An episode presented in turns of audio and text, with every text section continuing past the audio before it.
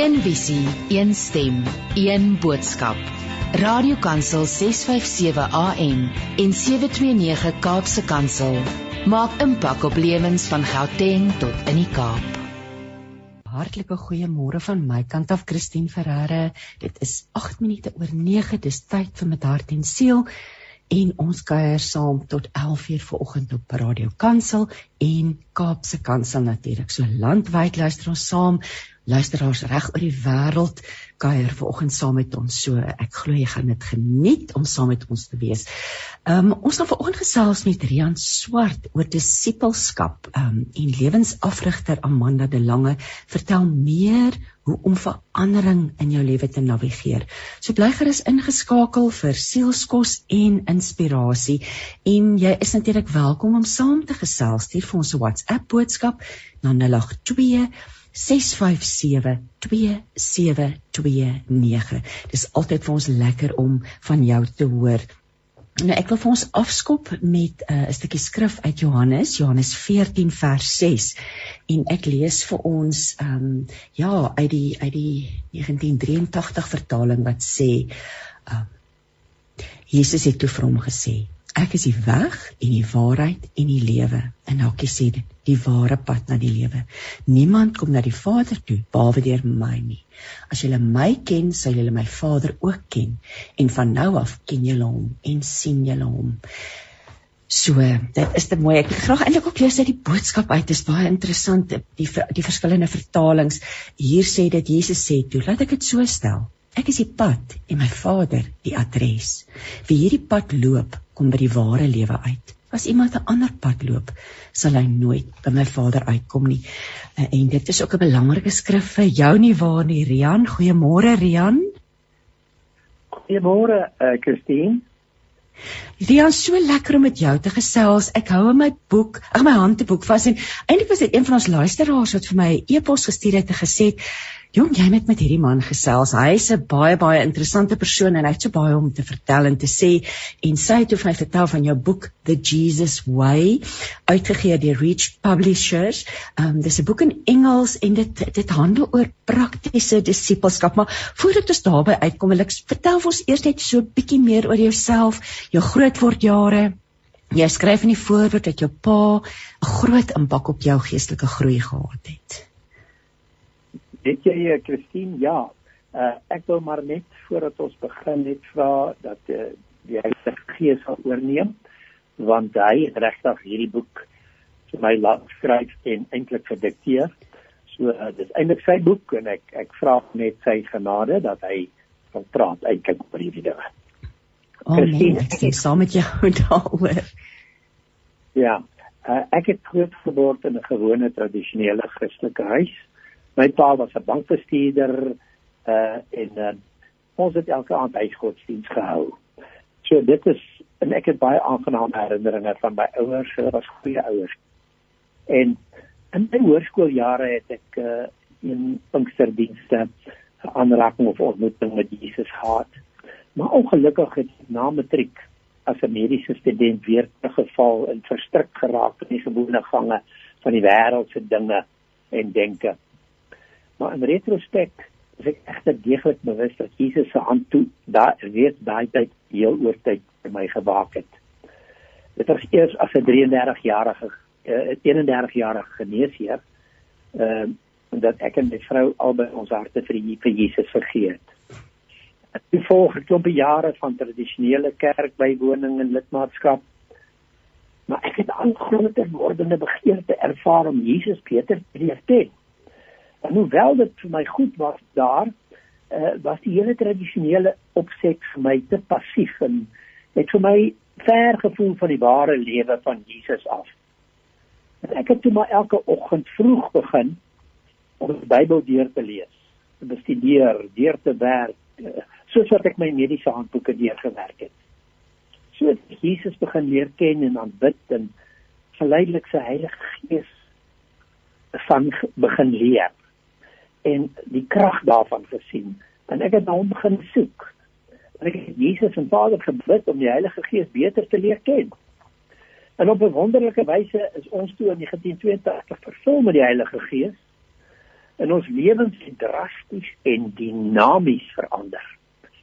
Ek het toe sy krag ervaar en ek het ontdek hoe 'n wonderlike leermeester hy is. Soos wat Jesus daar in Johannes 14 vers 36 sê.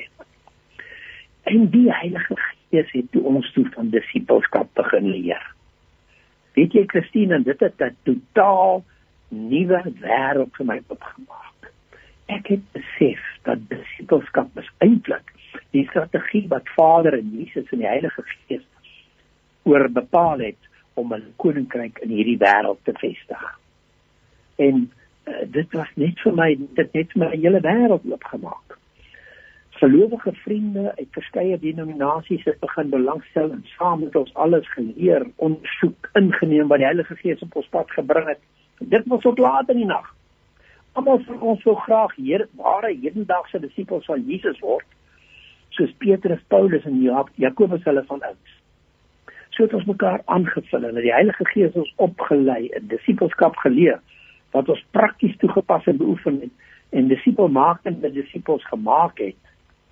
Na 35 jaar hiervan het Jesus op my hart gelê om dit wat hy ons geleer het vir hom in 'n boekvorm uit te gee. En ek het die boek geskryf, want dit letterlik soos die Heilige Gees vir my dikteer het. So dis hoe dit gekom het, uh, Christine. Jan, maar ek ek is nou nuuskierig. Ehm um, is jy nog steeds praktiseer jy nog steeds of is jy waar, waar is watter watter tydste van jou lewe is bevind jy jouself? Ek het in 'n bietjie meer as 'n jaar lank afgetree, uh, Christine. Ek uh, ek ek ek woon op die oomblik nou hier in Jeffreys Bay, maar ek het nog 'n 'n boerdery in Ermelo, so ek gaan nog so 'n paar maande soontoe en 'n paar maande hiernatoe. Rian, dit klink nou vir my na die ideale manier van leef en ehm um, ja en Jeffrey's Bay is natuurlik 'n 'n sterk geestelike grondslag, 'n sterk geestelike teenwoordigheid van gelowiges soos ek het verstaan vir mense wat daar woon, ehm um, die Christenskool sendelinge wat wat hulle daar tuis kom maak vir 'n tyd lank. Beleef jy dit ook so? Ja, dit is regtig so. Nee, hier is regtig 'n oop hemel, hoor dit is hom lieflik daardie daai konsep van van eh, daai plek plekke op aarde wat die hemel amper nader is nê. Nee. ja ja regtig. Rian kom ons kom ons praat oor die boek. Ehm um, so jy toe tussendeur werk en en en en en en al die ander verpligtinge in jou lewe het jy toe die boek geskryf. Maar soos jy sê onder onder leiding van die Heilige Gees want geen ander manier ja. kan 'n mens dit regkry nie nie so kom ja. ons praat 'n bietjie oor hierdie boek en want want want jy sê baie duidelik. Ek wil nou vir jou vra wat het jou laat besluit om dit in Engels te skryf? Weet jy ek ek ek het dit in Afrikaans geskryf. Uh 'n vriendin uh, uh Marie Mel het dit toe vir my vertaal. Omrede ek het gevoel dat uh dit gee toegang tot meer mense, jy weet. Ja. Uh, ja. uh Engelse mense verstaan dit mos nie Afrikaans nie en ons uh, uh, kleurlinge en swart mense is is dink ek oor die algemeen meer uh, geneig tot Engels. So ek wou dit graag 'n toegang gee vir vir almal. So om dit toeganklik te maak en natuurlik vir almal met so 'n praktiese gids is alhoewel hier is ongelooflik diepte in hierdie boek en dis hoekom ons vandag gaan gesels want jy het baie wysheid om te leer en om te deel. Kom ons begin met die begin. Wat beteken dit om 'n disipel te wees? O, oh, om 'n disipel te wees, dis 'n wonderlike pad vol avontuur, oorwinning, maar ook stryd, maar gelukkig uh gee Jesus ons altyd die oorwinning. Uh oor alles en laat ons triomfeer en die reeks van sy kennis oor ons deur ons versprei en hy het ook nie toelaat ons bokant ons kragte versoek op te word nie. Dit beteken eintlik om alles wat jy het is en wat jy het aan Jesus te gee. Want jy behoort nou aan hom. Jou vader, jou moeder, jou ma, jou vrou, jou kinders, jou eie lewe, jou finansies, jou besittings en jou regte. Niks behoort meer aan my nie. En dan word hy eienaar daarvan en hy vertrou hierdie dinge aan my toe om getrou vir hom te bestuur soos wat hy dit wil hê. En dis die skatte om Jesus so naby en intiem te leer ken dat ons eintlik innerlik omvorm word na sy beeld. jy weet soos Romeine 28 8 vers 29 en 2 Korintiërs 3 vers 18 sê ons sekulêre werk en ons sekulêre opset word dan nou ons voltydse bediening vir Jesus in die markplein. Uh jy weet iemand het eendag vir my gevra dokter, uh gaan jy nou die voltydse bediening in? Sê ek vir man, my vriend, weet jy ek is nou in voltydse bediening vir Jesus. Dit wat ek doen met vir hom. Jy weet en uh, ons bly in 'n voortdurende lewensonderhoudende kontak met hom as 'n disipel. Soos die lood in die wynstok. Jy weet en ons word in alles deur hom gelei en geleer. Uh ons as disippels is dan die verteenwoordigers van God in hierdie wêreld. Ons sit Jesus se bediening voor. Jy weet, sy koninkryk te verkondig, die werke van die duiwel te verbreek. En weet jy, uh, Christine, al Jesus se beloftes was vir sy disippels ook die koninkryk van God. Dit was vir my openbaring. Ek sien dat Jesus het die koninkryk aan sy disippels beloof. Ek sien nêrens pertinent waar iets waar hy dit aan iemand anders beloof het nie. So dit is wat my disipel wees en ons gaan nou nou ingaan oor, oor die kenmerke van disippels. Jy weet, ehm um, Ek hou van ek hou van wat jy sê en dit is hoe ons as gelowiges behoort te leef. Dit is omvattend. Ons hele lewe moet spreek daarvan dat ons volgelinge van Jesus is. En ons is mense en ons is feilbaar en ons is sondig, maar dit moet die intensie van ons hart wees nie waar nie, nê. Ja, ja, dit is absoluut. En soos jy ook gestreg gesê het, julle hele hele lewe het verander toe julle ja. die ontmoeting met die Heilige Gees gehad het en en en dit gebeur en en en gelowiges kan daarvan getuig en jy skop ook die boek af met en jy noem dit the beginning wat jy eintlik praat dan oor die oor die wedergeboorte dat en en en en jy weet dat ons onsself moet van vooraf toewy aan hom en um en natuurlik die kennis van God maar jy jy praat oor die geestelike jy noem dit rebirth and spiritual life waar jy daardie skrif aanhaal unless you are born again you cannot see the kingdom of God Vertel so 'n bietjie vir ons oor wat jy in hierdie hoofstuk skryf. Wat uh, kyk, 'n mens moet weergebore word. Ek weet weergeboorte is wanneer jy jou lewe absoluut vir die Here gee. Maar jy in Jesus glo, jy jy gee oor aan hom, dis dan vind wedergeboorte plaas en en uh, dit is uh, dis uh, Jesus het gesê bekeer julle, jy weet bekeer jou en gee oor aan die Here En, en dit is wat gebeur. En dan het hy gesê en laat julle dood. Dis twee bevele, né? Nee. Bekeer jou gee oor die Here, laat julle dood en dan het hy 'n belofte gegee. As ons dinge doen, julle sal die gawe van die Heilige Gees ontvang. Jy weet, so ek dink dis is die drieledige uh stappe van van van uh, van uh, kan jy sê wedergeboorte uh, jy gee jou oor aan die Here. Dis die begin. Jy jy jy doop dis gehoorsaamheid wat jy doen. Jy bevestig jou jou wedergeboorte en dan die Heilige Gees wat jy ontvang aktiveer daai wedergeboorte. Rian, ek kan nou vir jou vra want jy dit's my so jy begin met die begin en dan die volgende punt is dan ons moet God ken. Ons moet weet wie hy is want uit die aard van die saak sonder dit kan 'n mens nie 'n ware disipel wees nie. Maar dan wil ek nou vir jou vra die sleutels. Nou daar's verskeie sleutels wat jy aanraak tot geestelike groei. Want ehm um, ons begin almal hulle weet as as jong gelowiges, jonk in die gees en dan kom die groei. So wat is nou jou mening die sleutels tot geestelike groei? OK, dit soos ek sê, dit begin met wedergeboorte en vervulling met die Heilige Gees. Ja. Maar daarna help vir my vier uiters belangrike dinge wat my gees laat groei en ontwikkel. En ek noem hulle geeskos, geeskontak, geesbeheer en geeslewe. Nou geeskos is God se woord. Matteus 4 vers 4 sê die mens kan nie van brood alleen leef nie, maar van elke woord wat uit die mond van God uitgaan. En hy sê daar in 1 Petrus 2 vers 2 verlang sterk pasgebore kindertjies na die onvervalste melk van die woord dat julle daardeur kan opgroei. So ons het die woord absoluut nodig om om geestelik te groei. En dan praat Jesus van vaste kos. Dis nou die volwasse vaste kos, die die stykkos. En hy hy praat daarvan in Johannes 4:34. Hy sê my voedsel is om die wil van my Vader te doen en sy werk te volbring. En dit is die vaste kos wat ons gees eintlik sterk maak. Dan is die die tweede daar is die geeskontak. Jy sien geeslewe kan nie bestaan as dit nie in kontak met God bly nie. So geeskontak is die voortdurende geesverbinding wat ons met Jesus het soos die lood in die wynstok. Daai lood moet in die wynstok bly anders gaan hy dood. Sonder hierdie verbintenis kan ons nie lewe nie. Ons verwelk en ons verdroog en ons word uitgewerk.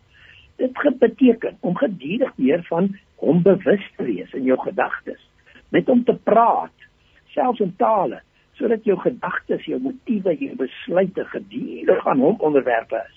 En jy maak hom deel van alles wat jy dink en praat en doen. En dit word ons leefwyse. Dan die, die derde ene is geesbeheer. Dit beteken ons gees moet altyd ons vlees beheer en nooit andersom nie. Soos Galasiërs 5:16 en 17 sê. Uh jy weet wandel deur die gees dan sal jy nie die begeerlikhede van die vlees volbring nie, maar die gees en die gees staan teen mekaar. So ons nie kan doen wat ons wil nie, wat die vlees wil nie. As ons vlees in beheer is, beskadig dit ons gees en ons vlees. Maar as ons gees in beheer is, dan word hy sterker en sorg ook baie beter vir ons vlees as ons vlees self. Want jou gees weet presies wat jou vlees nodig het. Hy weet wanneer jy honger is. Hy weet hy gaan jou help om reg te eet Hy gaan jou help om reg te ontspan, op die regte tye te slaap. Hy gaan self vir jou toestemming gee om die regte tipe seksuele verkeer met jou huweliksmaat te hê.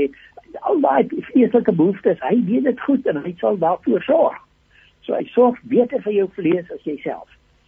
As solank as hy jy as dokter, jy kan met gesag hieroor gesels. Dit is dis maar so interessant hierdie want dit word nou 'n holistiese benadering, nê? liggaam, siel en gees. Absoluut, absoluut, want ons is 'n liggaam, siel en gees, soos uh, in Tessaloniki 5:23 sê. Nou gees lewe. Uh Christine, dit beteken eenvoudig dat alle geeslewe voortdurend uitgegee moet word om te kan groei. Dis nou geloof, liefde, uh seën, die woord, ehm um, blydskap, Jy weet al daai daai geestelike lewe wat daar vir ons in, in Galasiërs 5:22 beskryf word. Dit moet uitgegee word, want as dit opdam, droog dit geleidelik op. En die Here het my gewys dis net soos moedersmelk. 'n Moeder wat vir haar babatjie melk gee, solank as sy gee, kry sy meer om te gee. Maar die oomblik as sy ophou gee, dan droog die toevoer van daai melk op. So sy moet meer, sy moet aanhou gee en hoe meer jy uitgee, hoe meer kry jy om te gee. En dis 'n geestelike wet, net so swaartekrag en fisiese wette. Lukas 6:38 sê gee en aan julle sal gegee word, 'n goeie maat ingedruk, geskit op en tot oorlopings toe vol. Maar as jy ophou uitgee, dan hou die toevoer ook op. En daar's baie voorbeelde hiervan in die woord. Jy weet soos die talente, daai mense wat die talente kry, die ouens wat uitgegee het en gewerk het daarmee, het dit meer gekry die ouer kan begrawe het en is weggeneem. En uh jy weet en die mees belangrike een is vir my die geografiese bewys wat God vir ons daar illustreer het. Die meer van Galilea is 'n vrugbare meer en hy gee uit. Hy besproei rondom hy besproei die Negev woestyn, hy die die kibbutze daar rondom. Dis pragtig en vrugbaar. Daar's vrugbare visse en goeie daar aan daai meer. En uit daai meer uitvloei ook 'n eislike rivier, die Jordaanrivier. Maar daai Jordaanrivier vloei na die Dooie See toe. En die Dooie See het geen uitloop nie. Hy gee nie uit nie. Hy verdamp net. En in die Dooie See is geen lewe nie en rondom hom is woestyn. So, dit wys ons net hoe hoe God dit vir ons illustreer.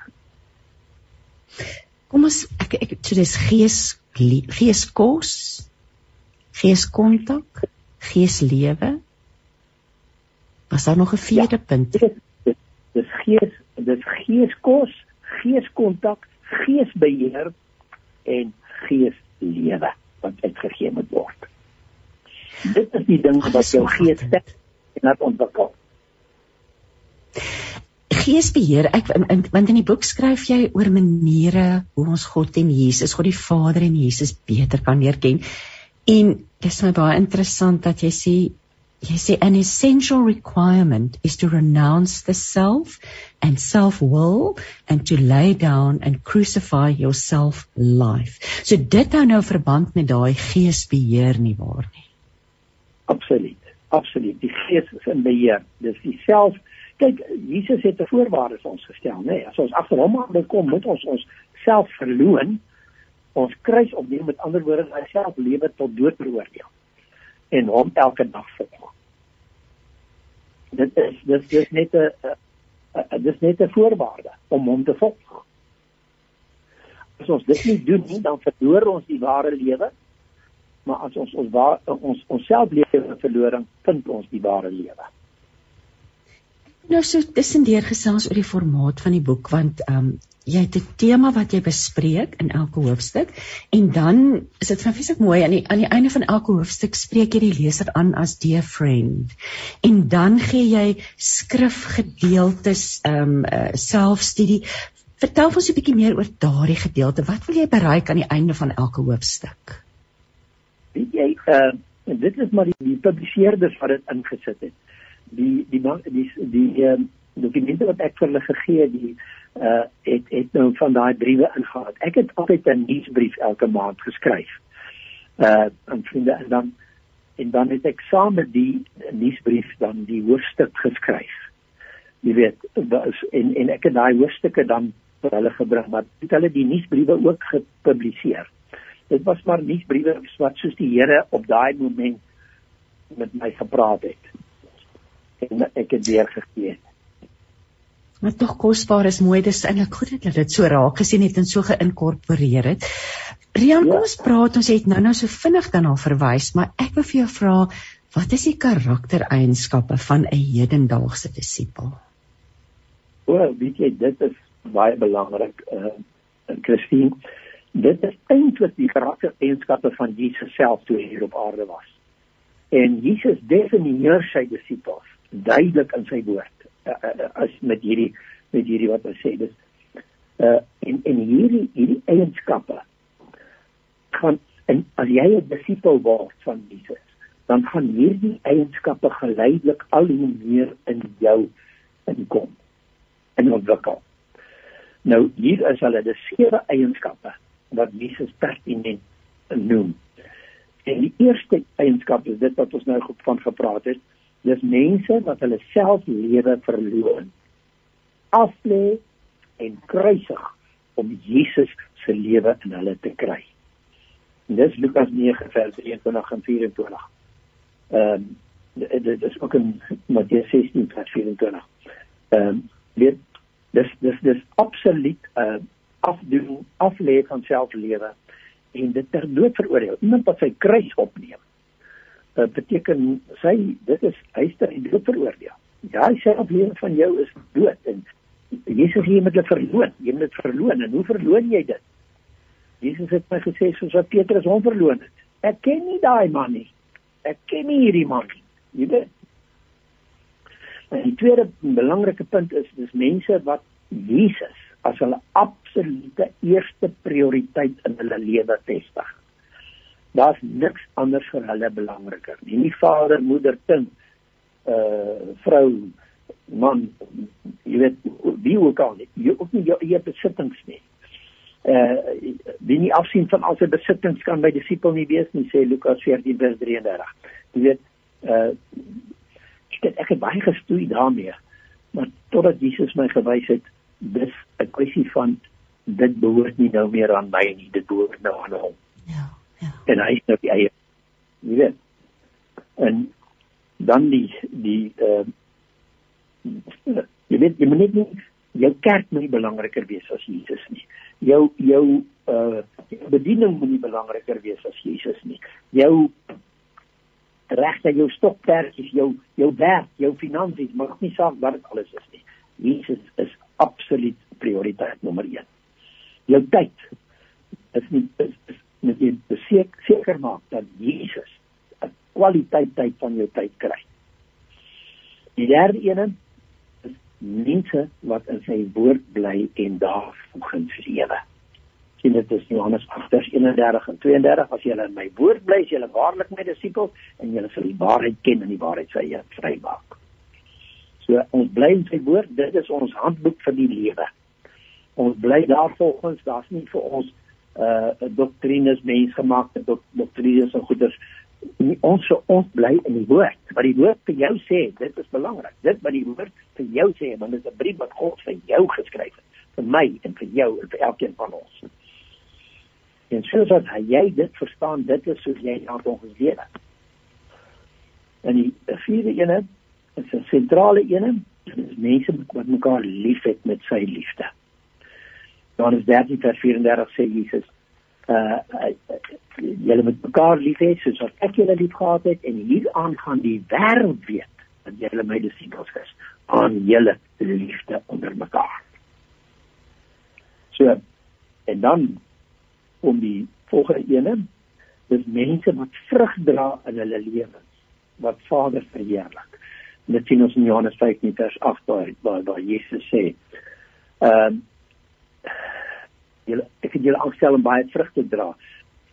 Julle sal vrug dra wat my Vader verheerlik en my disippels wees. So sal julle my disippels wees. Vrug dra wat die Vader verheerlik.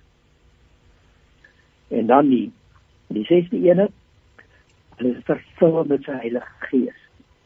Lukas 24:49 het Jesus vir sy disippels gesê: Moenie gaan probeer om die wêreld aan te pak nie gaan wag in Jerusalem totdat jy vervul is met die krag uit die hoogte, met die belofte van die Vader. Jy weet, so hulle ons moet disippels is mense wat vervul is met die Heilige Gees.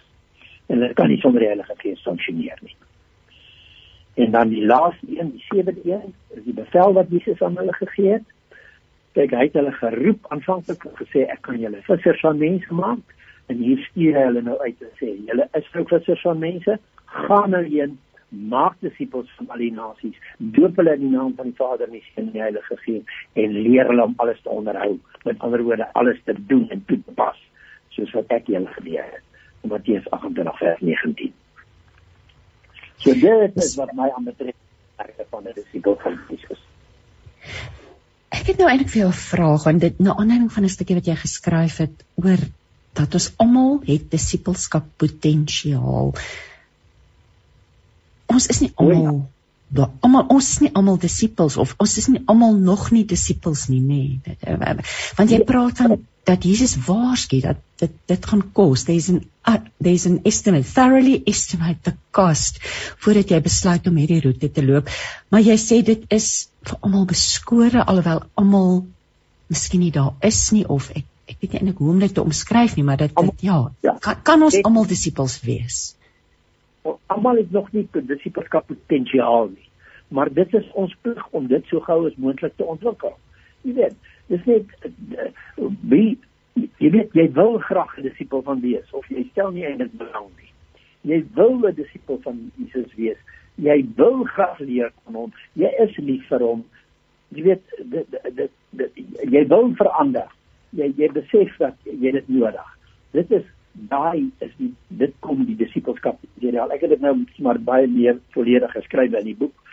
Maar ek besef net dis dit is dit. En as daai disipelskap potensiaal daar is, dan gaan jy die, die roeping ontvang. Dit gaan in jou hart kom. Dit gaan net wees dat jy meer van Jesus weet. Jy uh, is nie meer heeltemal so gelukkig met jou met jou uh, kerk uh, of Christen opset nie. Jy wil jy wil ontwikkel, dan wil meer dinge kom. Dit is die potensiaal. Jy beweeg dan aan nadat jy ons regtig mooi beskryf het hoe, hoe lyk 'n disipel en wat is die karaktereienskappe na geloof en dat dit die basis is. So vertel 'n bietjie vir ons meer. Um, want dit is my interessant. Ek bedoel ons ja, dit jy sê byvoorbeeld ja, ek kan nie ek kan nie aanhaal nie. Ek gaan nou vir jou vra om vir ons te sê die, die belangrikheid om 'n sterk geloof te hê en om dan 'n disipel te kan wees as gevolg daarvan. Ek, ek dink dat geloof, kyk geloof is 'n ontsaglike geestelike krag wat nie uit die wêreld of uit onsself kom nie. Dit kom van God self. En elkeen van ons het 'n maat van geloof ontvang. Dis Romeine 12 vers 3 sê. Jy weet, en daai maat van geloof moet ons ontwikkel. En ons moet laat groei soos wat ons die woord inneem. Nee, Romeine 10 vers 17 sê geloof is uit die gehoor en gehoor is uit die woord van God. Hoe meer woord ons inneem, hoe meer geloof daar. 1 Timoteus 1 vers 5 sê die doel van die woord is liefde uit 'n rein hart, ongefeinde geloof en 'n goeie gewete. Jy weet so, dit die woord maak dat ons geloof groei. Maar nie net dit nie. God. Net so belangrik. Judas 1 vers 20 sê: "Julle geliefdes moet julle opbou in julle allerheiligste geloof en in die Heilige Gees bid." Jy weet deur te bid in die Heilige Gees. Uh bewuslike ge, ge, verstandelike gebed of gebed in tale maak nie saak nie dit bou jou geloof en dan moet ons ons oë vestig op Jesus soos Hebreërs 12:2 sê hy is ons leidsman en volëinder van ons geloof of die engel sê the author and the finisher or the developer of, of our faith en ons dan die laaste een is ons moet dit beoefen ons moet geloof beoefen. Ons kan nie dit net net belê nie in 'n studeerkamerstoel agteruit sit en geloof hê nie. Ons moet dit beoefen, ons moet dit toepas. Wat Jakobus 2:17 sê, sê geloof sonder werke is dood. 2 Korintiërs 4:13 sê as ons glo, moet ons dit spreek. Jy weet? En uh uh 2 Timoteus 4:7-8 sê ons moet ons oefen in die God se lewe. So geloof moet geoefen word. Pas geloof toe waar jy kan. Jesus het in die woord staan daar vier keer geskrywe my regverdiges sal uit geloof lewe en en en daarin in Hebreërs 10 vers 30 sê hy as hulle hulle onttrek dan het my siel nie in hulle welbehae nie so ons kan ons nooit uit geloof uit onttrek nie Kies tog ek Rian ek wil jou nou die rede val want hier het nou 'n paar WhatsApps deurgekom van luisteraars wat ernstige nood het en vra vir gebed. En Jy skryf in jou boek oor hoe om ons geloof te gebruik in regtig uitdagende omstandighede. Wat wil jy vir hierdie luisteraars sê wat wat wat so pleit vir gebed en dat in vir God se hulp? Uh weet jy al wat ek kan sê uh, geloof uh, uh, is 'n mens is 'n werklikheid wat jy nog net nie met jou sintuie kan waarneem nie. Dis nog nie geestesreaal. En En as jy geloof, is altyd volgens God se woord en volgens God se wil. En as jy weet 'n ding is volgens God se wil, dan weet jy jy kan daarvoor glo. In Johannes 5:14 sê, dis die vrymoedigheid wat ons het om ons tot gaan en ons vra uit volgens sy wil, dan weet ons hy verhoor. Ons en as ons weet hy verhoor ons, dan weet ons ons verkry daai gebede. So dit is dood eenvoudig 'n vaste besef dit is so. En om dit dan maar dis dan in die geestelike realm waar jy dit kry. Maar om dit om die fisiese realm te laat manifesteer, moet ons in eerste plek volhardend bly glo ongeag die natuurlike weersprekende omstandighede. Ongeag simptome wat nog bly, ongeag die die ding wat nog daar is, jou kind wat nog nie wil inkom nie. Ongeag 'n huwelik wat nog nie reg is nie, maak nie saak nie, jy voortdurend bly glo. En dan moet jy jou geloof uitspreek en dit dit gaan nie in jou hart is dit wonderlik dit gee jou 'n regte verhouding tot God maar dit moet uitgespreek word in die fisiese realm dit moet bely word en jy moet daarop begin te reageer. Jy moet dit begin te sien as 'n werklikheid. Jy weet so dit is, is so belangrik. Ons moet in geloof lewe. Dis dit. En werklik waar en en dan die ander ding is ook wat 'n mens kan doen is God het gesê die gebed van saamstem. As goed is wat nie bereik word nie as as mense saamstem, as jy medegelowig is en vir alle manne en 'n vrou. 'n Man en 'n vrou wat in liefde en eenheid en geloof voor die Here saamstem, het ontsaglike krag. Jy weet, daar's min dinge wat daarteen kan bly staan. So as hulle volgens die wil van God bid oor 'n saak en in geloof en in liefde saamstem weet dat daai ding gaan val dit is beste wat ek Ja, en mens kry nie noodwendig die die antwoord op jou gebed op die regte tyd nie nê. Ehm um, soos dit daai ja, volharding in die geloof wat so belangrik ja, kijk, is. Abraham het 25 jaar gewag vir sy geloof voordat sy sy sy seun gekom het, né? Nee, 25 jaar. Nou ek wil nie sê ons gaan 25 jaar almal wag nie, maar daar's 'n wisselende tyd. Daar staan geskrywe in in uh, Markus 11 vers 24. Wanneer jy bid, glo dat jy dit ontvang en jy sal dit verkry. Nou daai sal dit verkry beteken daar's 'n latente periode, 'n periode van wag waar wanneer dit gebeur. En in daai periode is dit jou geloof wat die kwitansie is. Jy het dit gekry die oomblik wanneer jy bid. Maar dit is in die geestesrealm en al wat jy daarvan het is die kwitansie. Jy het die geloof, jy het dit. Jy wag nou net dat dit moet net nie dat die duiwel in daai tyd daai kwitansie steel nie. Dis die belangrike ding. Jy baie mooi gestel. Baie mooi gestel. Ons ja. verstaan almal die, be die be beginsel van 'n kwitansie. So jy het dit. Ja, ja. Hier is nou ja. iemand wat wat sê, ehm, um, "Sjoe, sy sê ek vertrek volgende donderdag om weens omstandighede by my seun in Jeffreys Bay te gaan bly. Kan ek asseblief Rian se uh besonderhede kry? Ek het 'n nuwe geloofs uh, samelopers disippels nodig in die nuwe omgewing. Ehm um, Lenet. So Rian, mag ek Lenet, ek wil voorstel, Rian, kan ons jou kontakdetail gee of 'n e-posadres vir Lenet? Ek kan sekerlik vir hulle my telefoonnommer gee daar's geen probleem nie. OK, ja, mag ek mag ek dit oor die lig? Ek gaan dan want ek het jou nommer hier by my.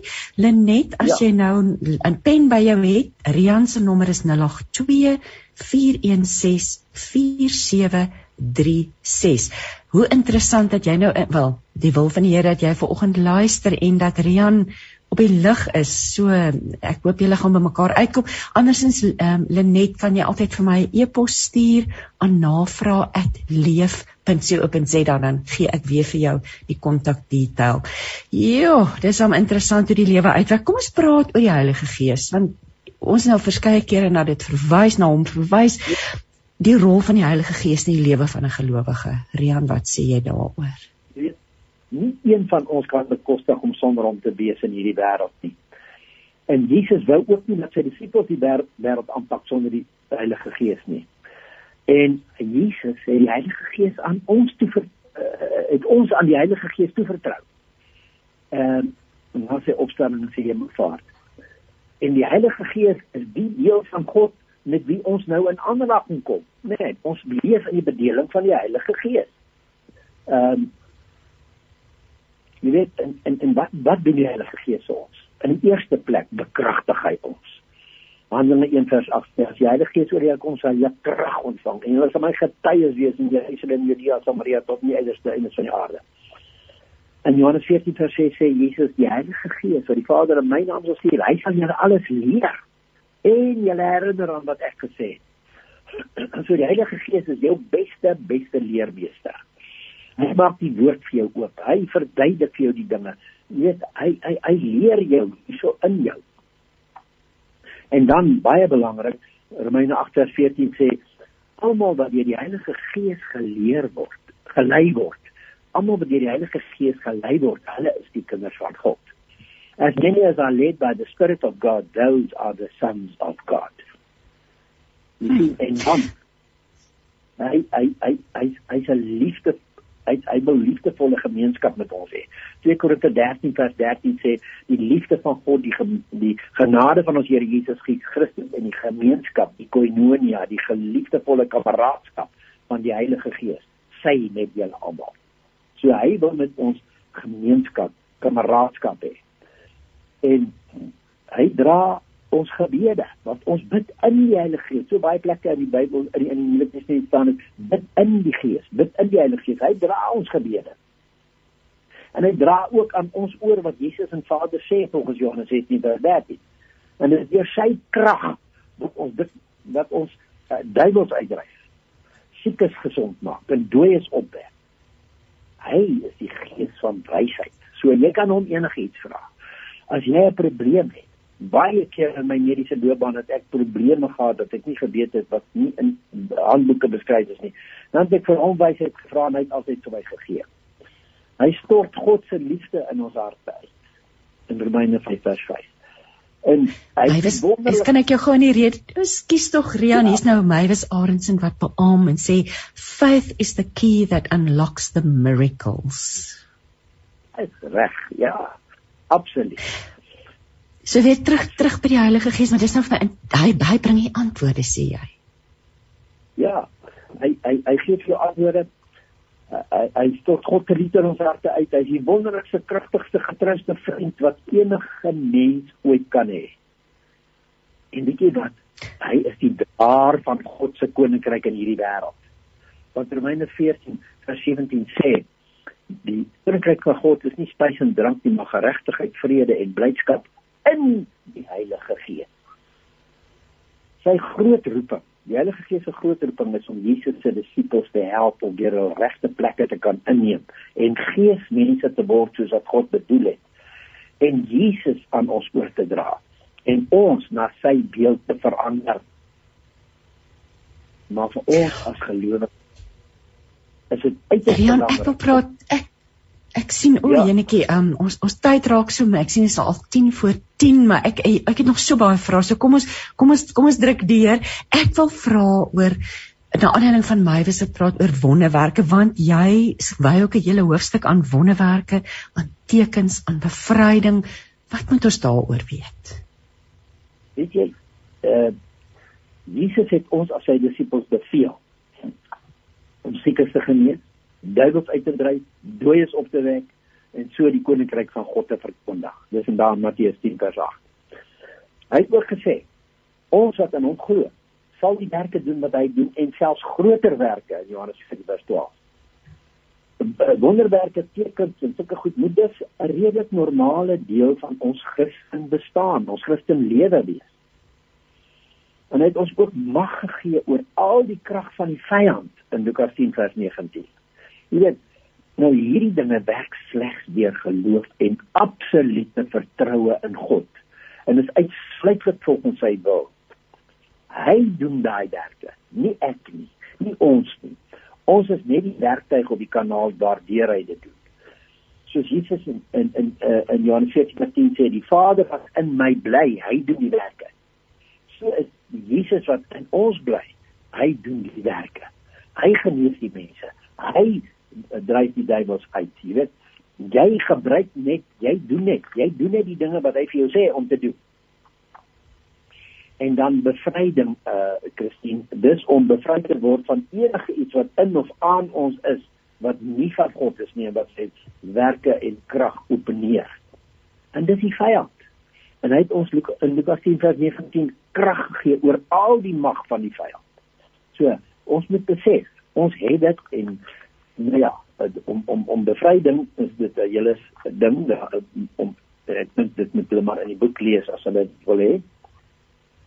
En uh, genesing uh, Ja, ek wil baie graag. Kom ons praat en ek is nou geïnteresseerd um hoe hoe hoe jy dan hierdie hierdie geloofsbeginsels as 'n geneesheer toegepas het en gekombineer het en ek neem aan jy het talle wonderwerke van genesing en, en, en beleef in jou praktyk ek ek maak 'n aanname maar kom ons ja, gesels 'n bietjie oor genesing ja verseker weet jy uh, ek sien omdat ek nou maar 'n 'n 'n mediese praktisyn was en aan die begin wou ek alles doen asof vir die Here totdat die Heilige Gees oor my gesê het, hoorie, wag, wag, wag. Ehm uh, ek sal vir jou wys wanneer jy moet my gebruik. Maar andersins, uh, uh, uh, gedien jy werk jy met wêreldse mense, behandel hulle soos 'n geneesheer moet behandel. Jy weet, maar ek het gelukkig, ag eer die Here, heel wat wonderwerke beleef en gesien. Nou dwars deur die Bybel sien ons dat dit God se wil om sy mense te genees. Jesus het almal genees wat na hom toe gekom het. Hy het nêrens gesê, hoorie, uh, ek kan jou nie genees nie want uh, jy het iets leer uit hierdie siekte of dit is my vader, nie my vader se wil dat jy genees nie of seker goed dit, nee, almal genees. En het ons krankhede nog geneem en sê, jy se bonde dag genees.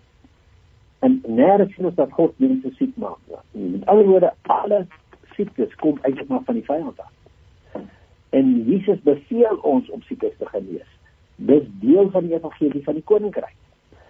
En dit hy wat deur ons genees en dan aan ons lê net aan op. En die vertroue en geloof wat hy deur ons doen.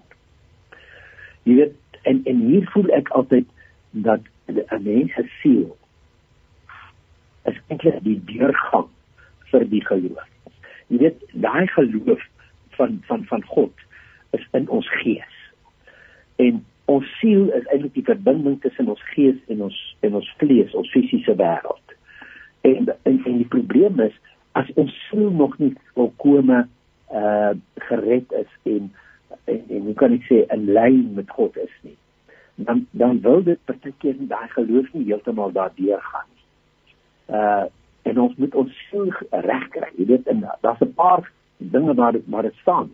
Voordat ons ons siel moet regkry. Ons in Jakobus 1:21 sê uh, uh ontvang met sagmoedigheid die ingeplante woord wat in staat is om julle siele te red. Jy weet Petrus in vers 9 sê uh, die geloof uh die die einddoel van julle geloof is die redding of die saligheid van julle siele. Jy weet uh en dan uh, daar's baie sielswonde in mense of, of hoe kan ek sê uh festings wat daai wat daai geloof wil keer en ding is dit wat hier toe nog sê as hulle in gehoorsaamheid aan die waarheid deur die gees julle siele tot ongefeilde broederliefde gereinig het. Met ander woorde genees het skoon gemaak het moet julle mekaar lief hê uit 'n uit 'n rein hart. Jy weet so liefde genees daai siel. En dan sê Jesus en en en Lukas 17 dit dan sê hy uh hy sê julle volharding julle julle siele in besit kry. Deur julle volharding so dit is 'n volhardende ding met ons siel dit is bekering dit is 'n proses van bekering om jou siel in lyn met jou gees te kry sodat die geloof deur daai siel kan werk. Jy moet geloof bedink jy moet geloof begin lewe. Dis al. En jy moet 'n vaste vertroue hê wanneer jy bid vir iemand om om om dat hulle genees. En ook op homself nee. As as maar siekte in jou is besef net, dit kom nie van God af nie. Dis nie God se wil dat jy siek is nie. En dis God se wil dat jy genees. So uh spreek daai ding aan in die naam van Jesus, spreek dit aan en sê vir hom net om weg te gaan. Jy weet en uh, dis dis dis so belangrik. Praat dit vir jou Vader en uh, uh, Jesus sê soek bid en klop.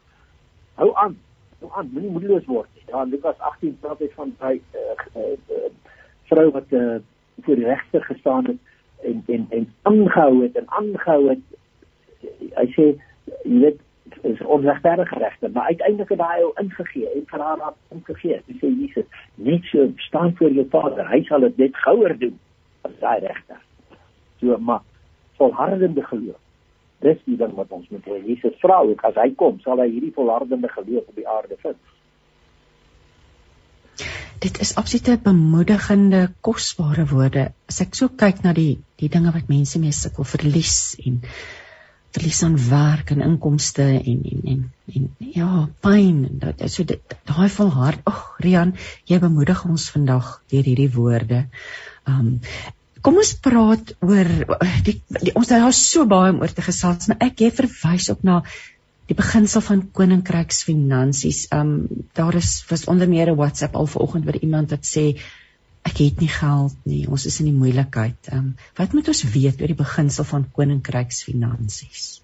O, baie belangrik is dit. Dit is so belangrik vir van ons. Weet, Mammon is die groot stryk, is een van die groot vorste van van Satan in hierdie wêreld en hy wil ons in sy kloue kry en Jesus het gesê ons kan nie mammon en God dien nie.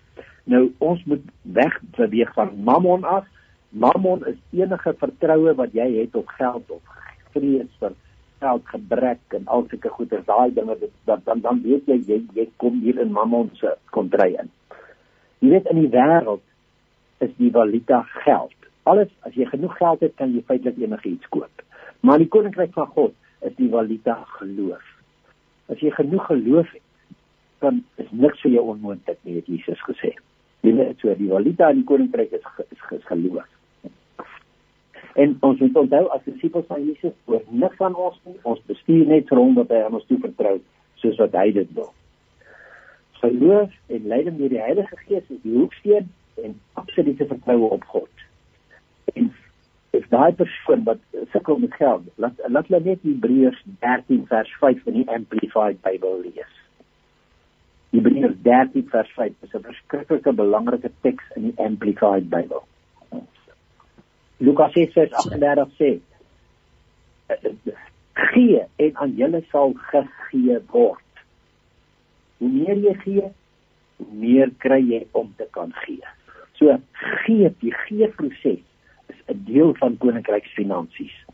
Jy weet, in eerstelinge en tiendes gee word uit dis dis voor die wet, dis in die wet en dis na die wet. So, en dan moet ons gee altyd volgens God se prinsipe. Dit help nie jy gee uit jou vlees uit nie, soos hy uh, so humanistiese ding nie. Jy gee volgens God se gee wette op prinsipe. En hier is vyf van hulle wat ek graag vir julle wil gee. Dis vreeslik belangrik. Eerstens, altyd onder leiding van die Heilige Gees. Dis nie uit jou vlees uit nie. Tweedens, jy gee altyd met geloof. Vaste geloof. Want uh, Romeine 14:23 sê alles wat nie uit geloof is nie, is sonde, dit mis jou doel. So jy moet dit glo. En dan die derde instansie, dis altyd met liefde of compassion. Jy weet een Korintiërs 13 sê vir ons al sou jy al jou goed uit in jou liggaam oorgee op brand te word net nie liefde nie, dit daar waar dit jou niks nie. Jy weet? En die vierde een is altyd met blydskap. En 2 Korintiërs 9 vers 7 sê sê sê uh sê, sê vir ons dat God het 'n blymoedige gewer lief. In die Griekse woord daar is hilaris. Dit beteken hilarious in Engels. So jy jy's 'n hilarious giver.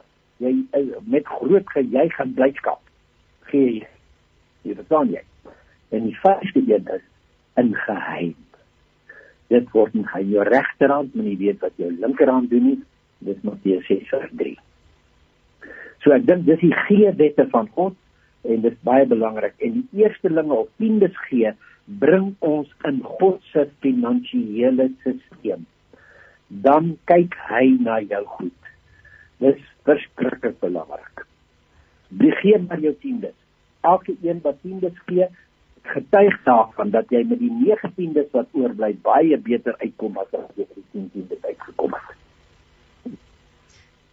En ek dink natuurlik ook onmiddellik weer aan die weduwee, wie se kruik uh, vol gemaak is en ja. aan die weduwee wat uit haar die min wat sy het gegee het, nê. Die Bybel is so vol van voorbeelde van um, van gemeenskap van gelowiges hoekom is dit so belangrik is nou so vir interessant hulle net wat vir ons ge WhatsApp het gesê sy trek Jeffrey's baie toe en sy sy wil deel wees sy sy wil deel wees van 'n disippelskapsgroep hoekom is die gemeenskap van gelowiges vir ons so belangrik weet jy want Christen lewe kan nie as 'n lone ranger gelewe word nie. Christen lewe is is is 'n deel van 'n liggaam jy leef die Christen lewe in in in in in 'n in 'n gemeenskap uit. Jy moet lief hê. Daarom is liefde sê. En weet jy, as jy die woordjie mekaar kyk, en sien hoe baie dit word daar in die Nuwe Testament van mekaar gepraat. Jy kan gerus 'n geluisie maak van die mekaar. Hoe jy met mekaar moet wees. Verstaan jy? So dit is nie gemeenskap van gelowiges beteken jy het net met medegelowiges wat jy saam is. Jy bou hulle op, hulle bou jou op. Julle uh, aanbid saam die Here. Daar ag dit dis jy kan net nie sonder gemeenskap van gelowiges in Hebreërs uh dien word dit ons uh, aanbeveel moenie die onderlinge byeenkomste versuim nie. Jy weet so sommige die gewoonte uh het nie. Moenie dit versuim nie. Kom maak maak kontak met medegelowiges ons is 'n liggaam ons is 'n koninkryksgemeenskap daar waar ons is. So kom ons kom ons doen dit in ons in ons in ons uh hoe kan ek sê aktiveer mekaar, inspireer mekaar so om uit te gaan en ons omgewing te verander vir Jesus. En natuurlik die disippels van Jesus was vir ons voorbeelde daarvan. Hulle het saam, hulle het alles saam gedoen, hulle het saam beweeg. Ehm um, so dit die, die, die Bybel sê wys vir ons dis dis hoe ons behoort te leef. Ja, en al wat die Bybel sê is ongelukkig die tragedie van die saak is dat die verdeeldheid in Christelike geleedere in die wêreld vandag. Ja, Jy weet, ja. ek hoor dat ek hoor aan 44000 verskillende Christen denominasies. En elkeen dink net hulle is reg. Jy weet en en en weet jy daai verdeeldheid en partyskappe hou ons uit die koninkryk uit volgens Galasiërs 5:20 en 21.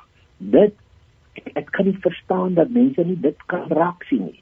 Dit hou ons uit die koninkryk uit. Hier eh, Paulus sê soos ek julle al vooraf gesê het, sê ek julle weer dat die wat hierdie dinge doen, die koninkryk van God nie sal beerwe nie.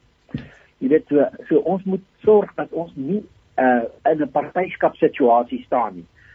Alle Christene, alle gelowiges is ons boeties en sissies.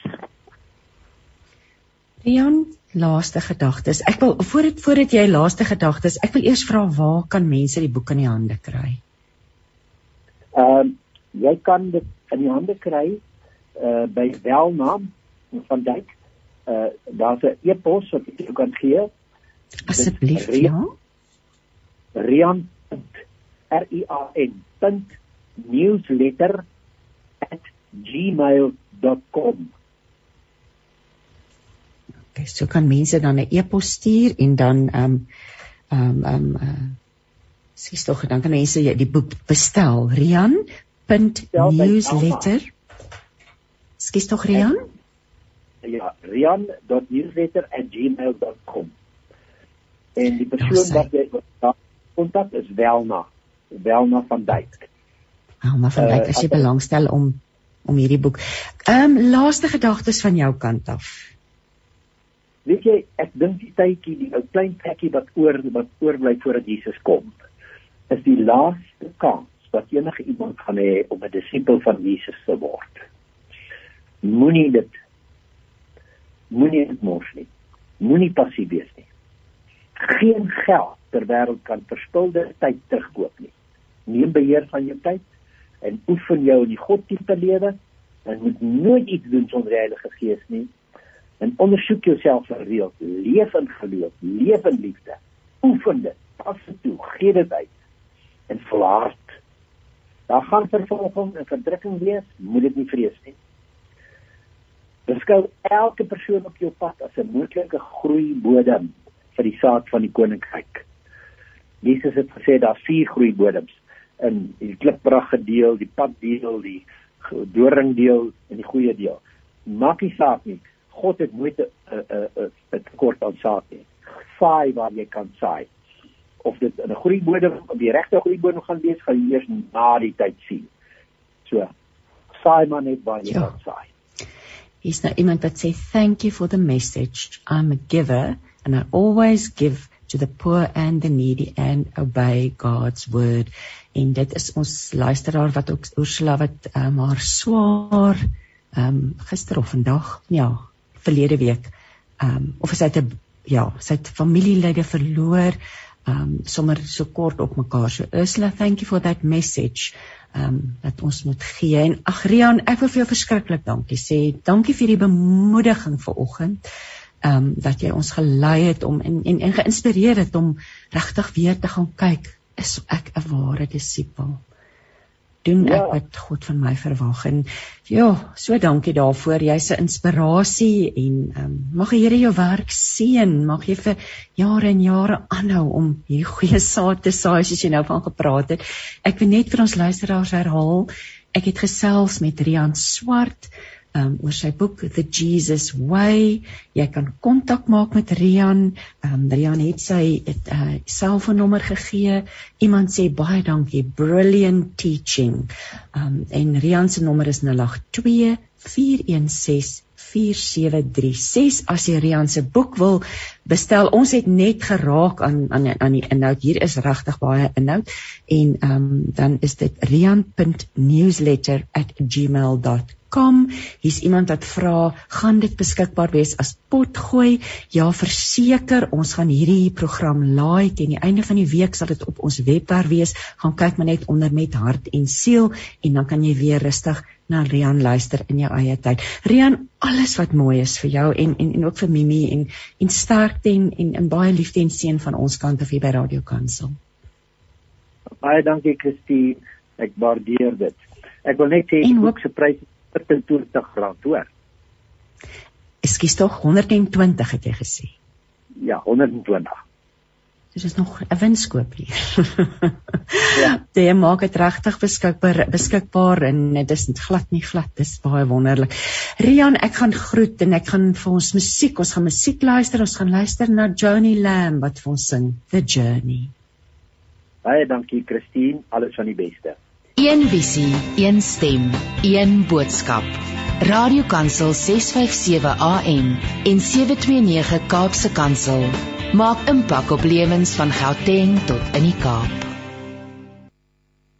Luister nou met hart en siel, ek is Christine Ferreira en nog 'n gesels met Amanda de Lange, lewensafrigter, ou bekende op die program en ons gaan gesels oor verandering. Ons is almal die hele tyd blootgestel aan verandering en dit is nie altyd ewe maklik nie, maar Amanda het heelwat vir ons daaroor te sê môre Amanda.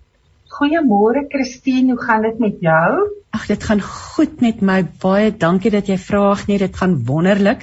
Geen huidige veranderinge in my lewe. so, Amanda verandering. Ehm um, ek self is 'n persoon met niks van verandering hou nie. Dit is vir my moeilik ek hou daarvan dat dinge min of meer stabiel en dieselfde bly maar dit is nie dit is nie moontlik nie nê so 'n paar gedagtes rondom verandering voordat ons begin gesels oor hoe om verandering te hanteer dink jy's nie alleen o oh, ja klank het nou verdwyn Amanda Askies. As ek sê jou klank het nou 'n bietjie verdwyn, maar jy's nou ja. terug op die terug op die dag. ek sê ek dink nie jy's alleen daarin dat jy nie van verandering hou nie. Uh verandering is vir die meeste mense iets wat hulle nie noodwendig wil soek nie, um maar iets wat hulle vind. En ehm um, ek dink uh jy weet ek het vanoggend gedink daaraan as jy die as jy na verandering kyk as iets wat bedreigend is, as iets wat uh negatief is, dan sal jy huiwerig wees. Maar veronderstel jy sien verandering as hierdie pragtige woud waarby jy gaan instap en jy volg hierdie paadjie in die woud en hier kom jy af op 'n lieflike waterval en daar kom jy af op 'n ander mooi ding en jy het nie geweet enige van hierdie goed bestaan in hierdie woud nie. Jy ontdek dit net nou eers. As jy nie daar instap nie, as jy nie daai voetpaadjie volg nie, sal jy nooit vind die juwele vind wat op daai pad vir jou wag nie.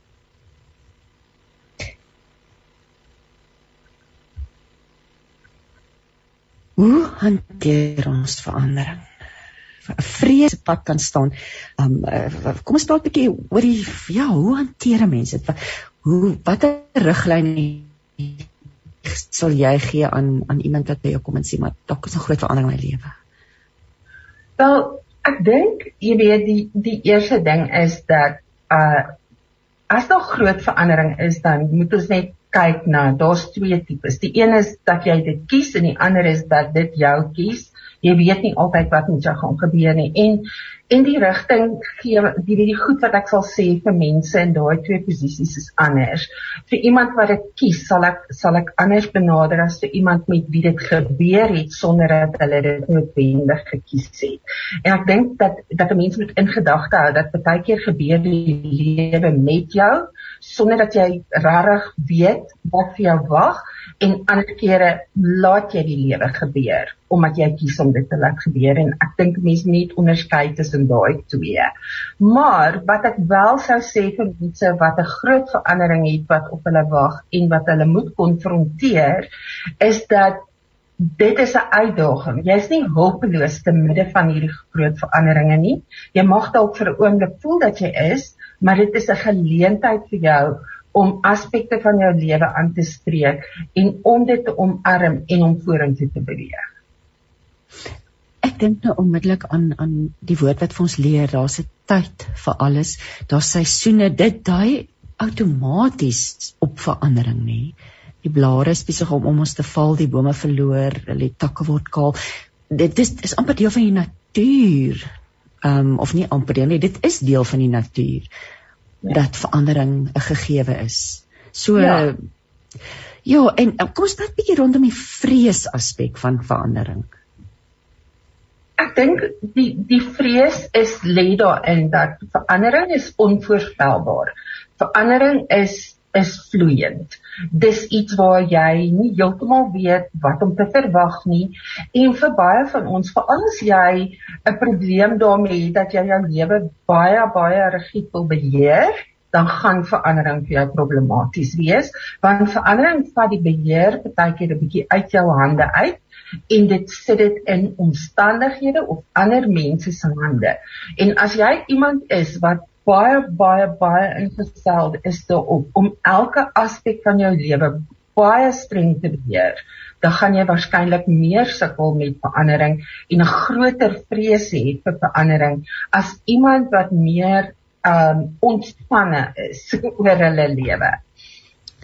Amanda, ons het nou met Rian gesels, Rian Swart en ek weet nie of jy die gesprek kon kon aan kon luister en daarna luister nie, maar hy het gepraat van die belangrikheid eintlik van geloof in ons lewe as dit kom by by so baie dinge en ek wil nou met jou praat oor die plek van ons geloof as dit kom by verandering wat ons in die gesig staar. Ja, ek dink een van die goeters is en ons kan nooit ooit enigiets losmaak van dit nie, is dat ons vertroue moet in die eerste plek in die Here wees en in die tweede plek is dit in in die vermoë wat hy vir ons gegee het en in die wete dat hy ons deur moeilike goed dra. So wanneer ons deur verandering gaan, veral as jy soos ek nou genoem het, as jy iemand is wat sukkel met verandering omdat jy graag beheer van jou lewe wil behou, dan gaan jy nodig hê om jou geloofspad met die Here miskien so bietjie te daai spiere bietjie te oefen, die vertroue aspek van jou lewe 'n bietjie te oefen en te sê maar ek weet hy is by my, ek weet dat hy sê hy sal my nooit begewe en my nooit verlaat nie. Dit beteken dat te midde van hierdie proses van verandering wat my nou so bang maak, geld dit ook selfs al weet ek nie wat wag vir my om die volgende draai nie, al weet ek nie en verstaan ek nie al die implikasies van hierdie ding wat besig is om met my te gebeur nie, is daar een ding wat ek kan weet, bo alles anders en dit is dat hy by my is, dat hy met my is en dat hy my sal dra. Selfs al is daar iets wat moeilik is, selfs al is daar probleme, selfs al is daar foute, selfs al is daar dinge wat buite my beheer raak, is daar een ding wat ek nooit ooit gaan verloor nie en dit is sy liefde, sy hulp, sy ondersteuning en sy teenwoordigheid in my lewe. Ja, dit is bitter belangrik want sonder dit kan 'n mens geen uitdaging eintlik aanpak nie, nê. Amanda, jy jy onderskei tussen ingrypende verandering um en en en dan baie oulik jy noem dit nips and tucks. Vertel ons 'n bietjie meer oor hierdie twee twee aspekte van verandering. OK. So ingrypende verandering is 'n verandering, dis 'n gebeurtenis of 'n reeks gebeure wat jou lewe in so 'n mate verander dat dit heeltemal 'n ander rigting kan stuur.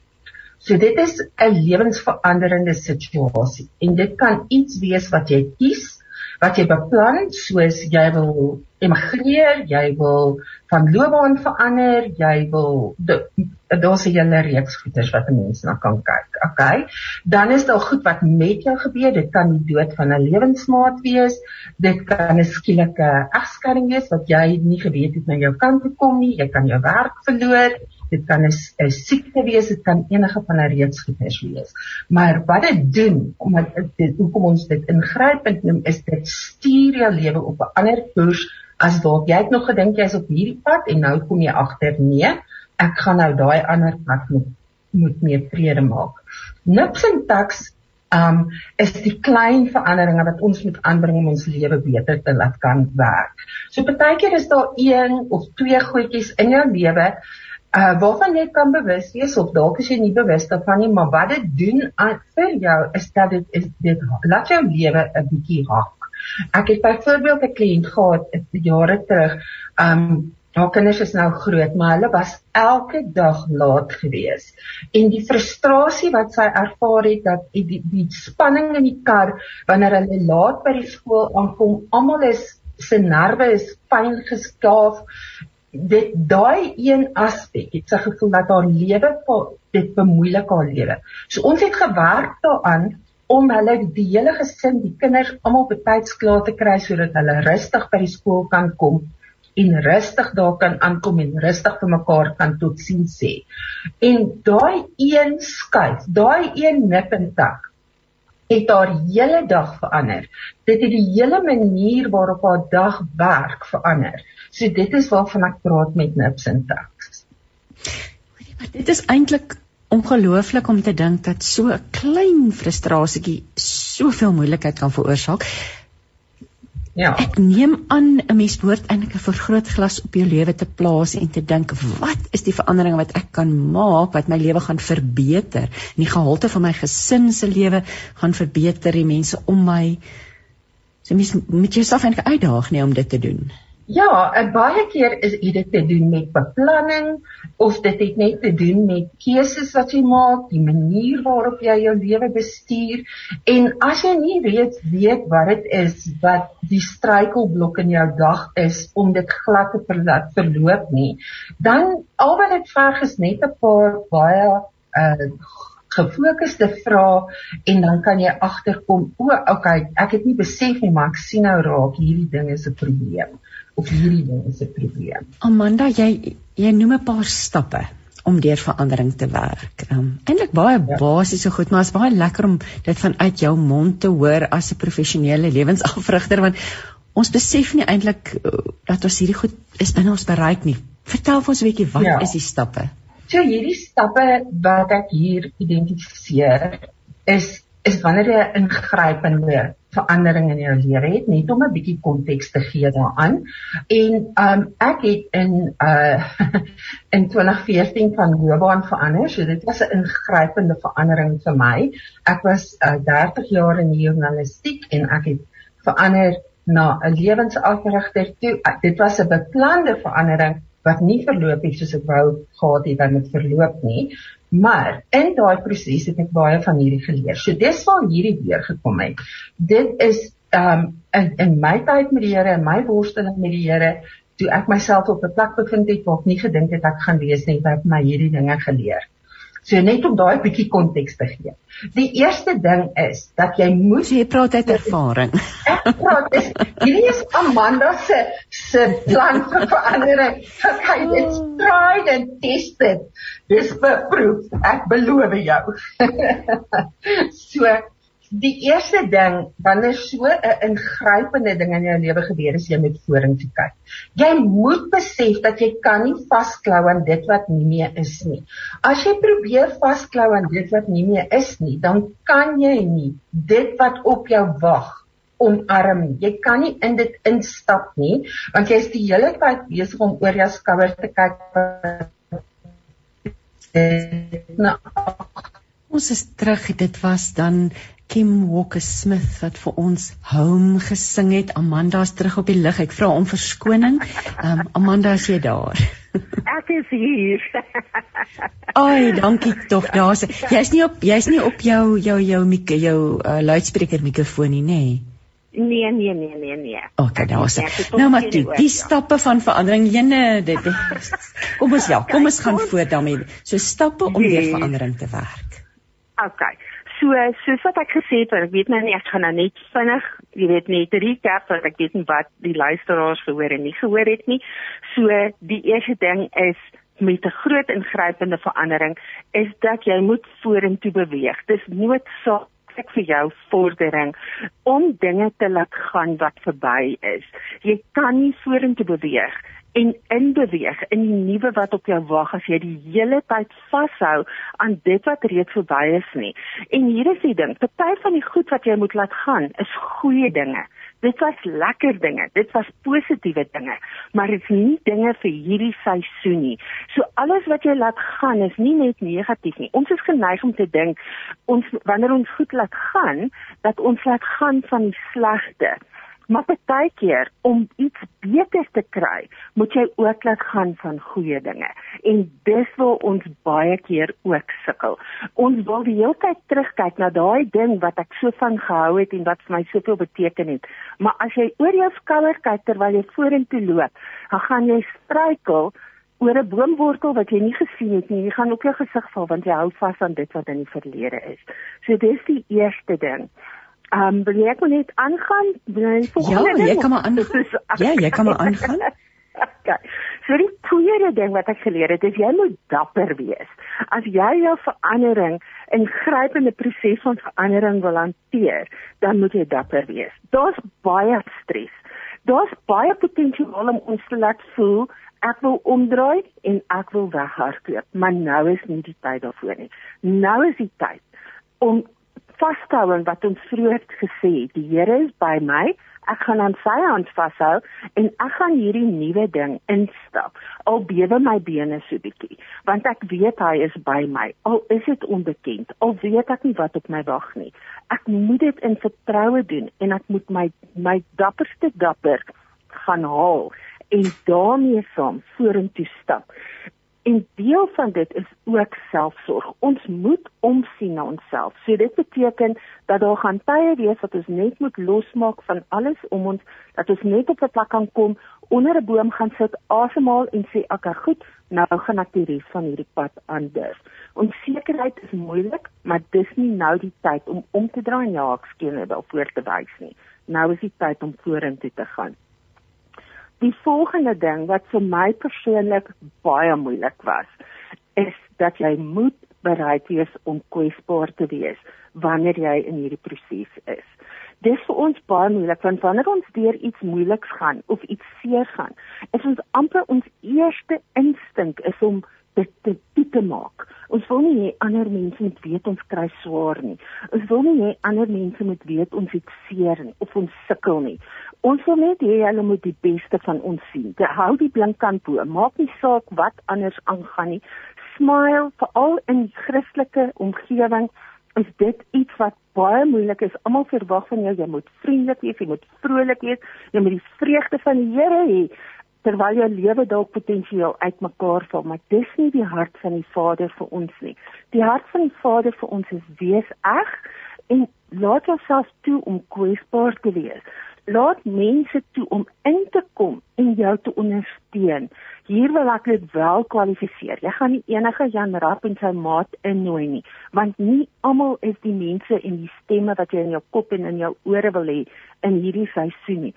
Jy wil met wysheid die regte mense kies. Die mense wat jou gaan aanspoor, die mense wat jou gaan ophelp en die mense wat jou gaan dra wanneer jy dit nodig het in hierdie tyd. Die volgende ding wat 'n mens aan moet aandag gee is herhalende kwessies. Hierdie is ook 'n ding wat ek net wat ek geleer het op my pad. Is daar so daar was goedjies in my lewe wat aan mekaar bly kop uitsteek het. Dan maak ek vordering, dan struikel ek oor presies dieselfde ding wat ek 3 weke terug of 2 weke terug. As so ding se kop uitsteek, dan weet jy, o, oh, jene, hierdie is 'n ding waarna ek moet kyk. Ek moet aandag gee aan hierdie ding want hy hou aan om sy kop uit te steek en ek gaan nie uitkom waar ek wil uitkom as ek nie hierdie doen nie. Dan moet jy hulp gaan soek, jy moet berading kry, jy moet wat ook al jy nodig het om te doen, moet jy gaan doen sodat jy hierdie ding vir eens en vir altyd uit jou lewe kan kry, want dit gaan jou terughou en dit gaan jou proses van verandering onnodig verleng en dit wil jy nooit hê nie. Glo vir my as ek vir dit sê. En dan die laaste ding in hierdie proses is dat wat gebeur wanneer ons deur so 'n ingrypende verandering gaan? Is dat dit affekteer nie net ons lewe nie. Dit affekteer ook die mense die naaste aan ons. Dit affekteer ons kinders, dit affekteer ons broers en ons susters, ons ouers, wie ook al na aan ons in ons lewe is en partykeer kan dit daai mense wat so na aan jou is, verskriklik moeilik wees om te sien waartoe jy gaan. En dan baie keer as jy nie goeie en gesonde grense hier het nie, dan gaan hulle hulle pyn en hulle onsekerheid ook op jou laai. En daar het jy nodig om te kan sê, "Oké, okay, jou probleme is joune, my probleme is myne. Dankie vir jou liefde, dankie vir jou omgee, maar ek is nou in hierdie proses en ek moet fokus op wat ek moet doen. Jy kan nie ander mense se twyfel en onsekerheid oor jou reis ook op jou neem nie. Hulle moet dit self hanteer. En dis dit. Jo, Amanda, maar ek wil terugkom na na die padkaart want ons het nog nie daaroor gepraat nie. Mhm. So as iemand by jou kom, ehm um, kom ek kom ek begin met die begin eers weer. 'n Lewensafrigter is nie noodwendig 'n beraader nie. Hoe verskil nee. jou werk van die werk van 'n beraader en 'n sielkundige? Okay, so 'n beraader en 'n sielkundige is daar om te berader. Hulle moet vir jou raad gee. Hulle luister na jou en dan adviseer hulle jou. 'n Lewensafrigter se rol is om jou te help om jou eie antwoorde te vind. Dis om jou te begelei en te stuur in 'n proses deur ehm um, oefeninge wat jy doen, vrae wat jy vra, is om jou te help om jou eie antwoorde te vind. Um en en om jou op daai pad te begelei. So dit is 'n bietjie anders as as direkte berading. So as as dit ja, mens kan seker nie sê nie, maar as dit nie gepaard gaan vir jou want jy doen ook emosionele genesing. So verandering gaan ja. dikwels gepaard ook met diep pyn. Werk jy ook met ja. daardie mense? Ja, ek doen ook dit. So ja, ek het mense met wie ek werk waar ek meer van 'n sagter proses is as ek dit amper so kan stel, want hulle gaan deur emosionele genesing en ek doen innerlike genesing. So dit vorm 'n deel daarvan, maar dit is 'n bietjie 'n ander proses as wat suiwer afrigting is. En uh mense hanteer dit 'n bietjie anders. Dis maar ja, 'n deel van die ding is jy kan nie jy kan nie groot verandering, ingrypende verandering hanteer sonder om te kyk na die praktiese aspekte daarvan en die emosionele aspekte daarvan nie. Die twee loop so hand aan hand. Terwyl jy besig is om die praktiese aspekte te navigeer, moet jy ook omsien na dit wat emosioneel wat jy emosioneel nodig het. Jy moet omsien na die feit dat jy hunker na dit wat agter jou lê. Jy moet omsien na die feit dat jy bang is vir wat voor lê, dat jy twyfel het, dat jy onsekerheid het. So al daai emosionele goed en die hantering daarvan loop hand aan hand terwyl jy die praktiese aspekte ook navigeer. Jy kan dit nie jy het nou van mekaar nie. Ek van mekaar skei nie. Jy het nou met ons gesels oor hierdie emosionele aspekte om vorentoe te beweeg nie aanhou terug te kyk nie.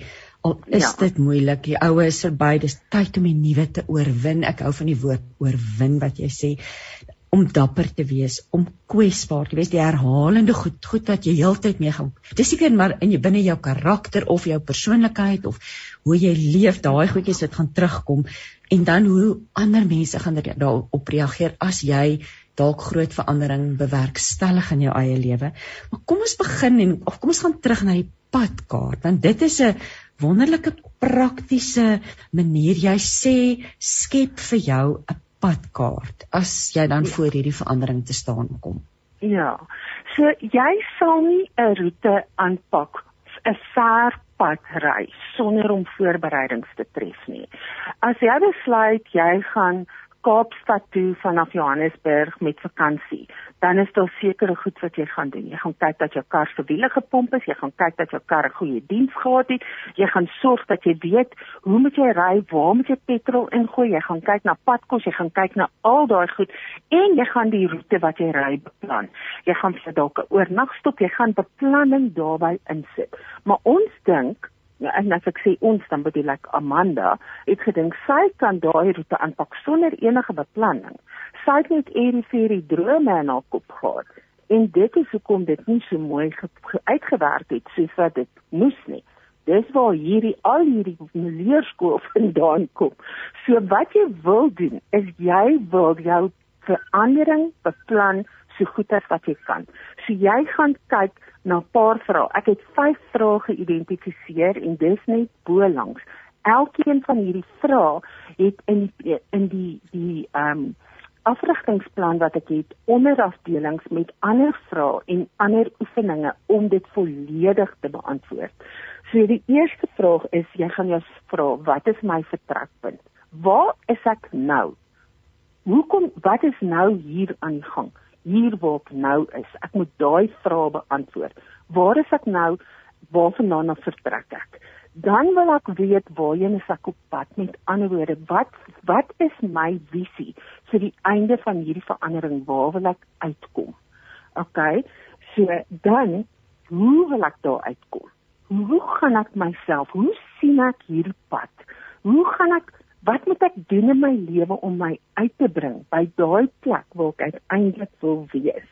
Die volgende vraag wat ek myself gaan vra is watter kwessies kan onderweg opduik? Met ander woorde nou moet ek gaan dink wat is potensiële probleme wat kan opduik?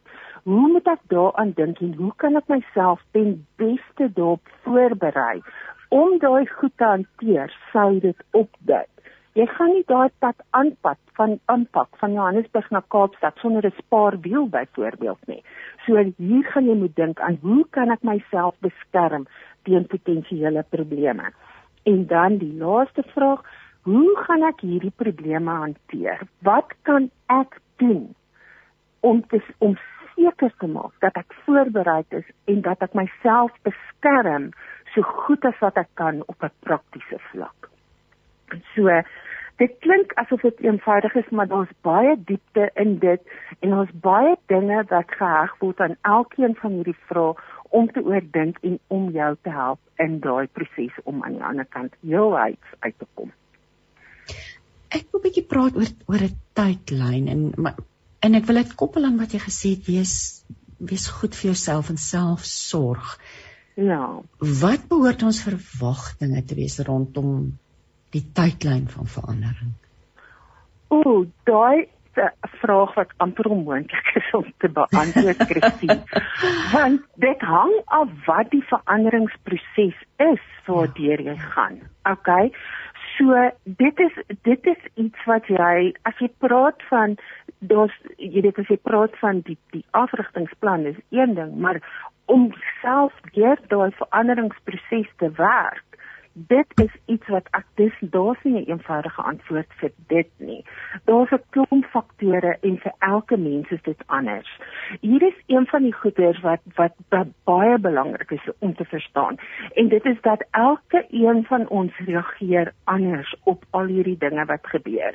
Ek ken byvoorbeeld iemand wat deur 'n loopbaanverandering is en dit het glad verloop ek meen sy het die besluit geneem sy gaan van loopbaan verander, sy het haarself gekwalifiseer en sy het in 'n nuwe werk ingestap, woep sonder enige duidelike struikelblokke of groot probleme. Dit was glad gewees sy het 'n verandering beplan en woep paar maande het sy in die nuwe ding ingestap. Okay? Ander ander prosesse is nie so eenvoudig nie. Maar dit is geweldig belangrik om as jy in ek as ons praat van 'n ingrypende verandering baie keer, veral as dit onbepland is, dan kan dit jou lewe omvergooi op maniere wat jy nie noodwendig kan voorsien vooraf nie um, as jy byvoorbeeld jou lewensmaat verloor. Dit kan implikasies vir jou inhou. En dan praat ons nie net van hoe moet jy die verandering navigeer nie. Ons praat ook van op 'n praktiese vlak, hoe gaan jou lewe nou anders lyk hierna? Het jou lewensmaat voorsiening gemaak vir jou? Is daar dinge waarvan jy nou moet omsien wat vroeër jy nie geweet het nie? Dalk het jy klein kindertjies, dalk is jou kinders uit die huis. Al daai dinge gaan bydra. Dan moet jy nog oor deur die tydperk kom waarin jy rou en waarin jy afskeid neem van hierdie lewensmaat wat jy verloor het. So daar's baie baie baie faktore wat besprake kom. En almal se proses gaan nie lyk soos wat myne byvoorbeeld gelyk het nie. Party sinne gaan makliker wees, ander sinne gaan dalk moeiliker wees. Daar's altyd 'n skaal, daar's altyd 'n kontinuum. Van party mense sin is moeiliker, party mense sin is makliker. Amanda, jy sê 'n paar interessante goed ek verwys nou weer na jou boek Suurlemoen seisoen en as jy praat oor verandering dan sê jy om teen die prikkels te skop veroorsaak net meer pyn en lyding. So ons moet omarm. dit is dit is asof jy jy lag nou lekker daaroor, maar dit is dit is so nee en ons natuurlike reaksie is om te skop teen die prikkels. Ons wil nie verander nie. Ja, maar dan sê jy ook verder nie dat as ons nie wil beweeg nie, moet ons weet dat die Here ons sal aanhelp. Praat met ons 'n bietjie ja. daaroor. So ja. Um hier is die ding. Sonder verandering kan daar nie groei wees nie en jy gaan stagneer. OK. So ek wanneer ek daar praat, dan praat ek van verandering in die algemeen. Ek praat nie noodwendig van lewens veranderende ingrypings wat gebeur het met jou nie. Maar iets wat ek byvoorbeeld doen, ek probeer dit doen, ten minste een keer per jaar en baie keer doen ek dit hier rondom ou jaar en nuwe jaar, is om te gaan reflekteer oor my lewe en te dink, waar het ek gegroei, waar het ek nie gegroei nie, waar kon ek meer groei, Waar is ek tevrede met dit wat ek bereik het in die jaar? En dit gaan oor 'n hele spektrum van goeders. Ek wil kyk na my geestelike lewe, ek wil kyk na my omstandighede, ek wil kyk na my loopbaan, ek wil kyk na verhoudings, vriendskappe, na al daai goeders.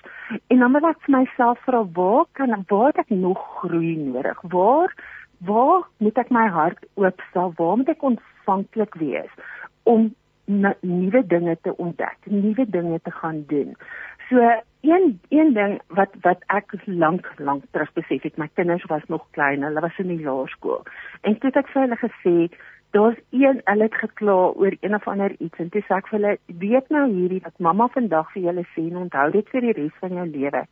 Daar's net een ding in hierdie wêreld wat nooit gaan verander nie. En dit is dat alles die hele tyd verander. En as ons dit kan snap en as ons kan verandering beskou as ons vriend en nie as ons vyand nie, dan sal dit nie vir die Here nodig wees om vir ons 'n helpende handjie te gee en dinge in ons lewe toe te laat om ons uit ons gemaksone te vat nie. Wanneer jy die hele tyd in 'n gemaksone wil bly, dan moet jy nou maar weet jy gaan stagneer daar. En dit is ook nie lekker nie. Jy gebruik ook 'n pragtige beeld van water rondom verandering. Van 'n stilstaan stilstaande water wat eintlik water, ja, ja. Ja. As jy dink aan daai pan daai stilstaande water waar al die parasiete uitbroei. OK? Dis die prentjie van 'n lewe wat stagneer. Dis die prentjie van 'n lewe waar daar geen verandering is nie. Dis nie wat jy wil hê nie. Jy wil hê jou lewe moet lyk soos 'n pragtige, gesonde rivier of 'n poel met 'n waterval waar die water beweeg, waar daar lewe is, waar daar groei is, waar daar verandering is. Dinge ja. moet verander. Dinge moet verander. As daar nie verandering is nie, is daar daar's net twee opsies: verandering of stagnasie dit dis dis jou keuse in die lewe. Jy gaan konstant verandering en groei omarm of jy gaan sit in dieselfde plek en jy gaan stagneer. Dis jou opsie. Dis jou keuse. Ja, en Rian het Rian het so mooi daarna verwys die meer van Galilea en die Jordaanrivier wat deur die meer vloei na die dooie see toe wat wat alles gestagneer ja. is en en soos dis dieselfde ja. prentjie oor ons lewe. Amanda, dis vir interessant want jy noem 'n hele paar vrae wat 'n mens jouself kan afvra um rondom dit um wat waar in jou lewe stagneer jy tans en dat mense 'n lysie moet maak. Maar mis ja. eintlik net die of iets die slegs deur die hulp van die Heilige Gees kan jy by hierdie punt uitkom nie waar nie. Ek dink so ek dink soms weet 'n mens jy wil dit dalk nie hardop sê nie, jy wil dit dalk nie erken teenoor enige iemand dat jy weet dat daai area van jou lewe is besig om stag is stagnant nie. Jy wil dit dalk nie hardop daaroor praat nie, maar baie keer weet ons as ons nie weet nie, die Heilige Gees is ons vriend. Hy is ons leier, hy is ons helper. Dan gaan sit jy, jy raak stil en jy sê Heilige Gees wys vir my die areas in my lewe uit waar ek besig is om te stagneer, die areas in my lewe waar ek nodig het om te gaan kyk na watter groei is net saaklik om my vorentoe te vat. Watter groei is net saaklik vir my om die verandering in my lewe teweeg te bring wat my lewe gaan laat floreer, wat my gaan verder en dieper vat in dit wat U vir my het. Want ons kan ook nie uitkom by dit wat die Here vir ons het as ons nie bereid is om dit te gaan soek saam met hom nie. Jy sê ook dis so 'n groot skip.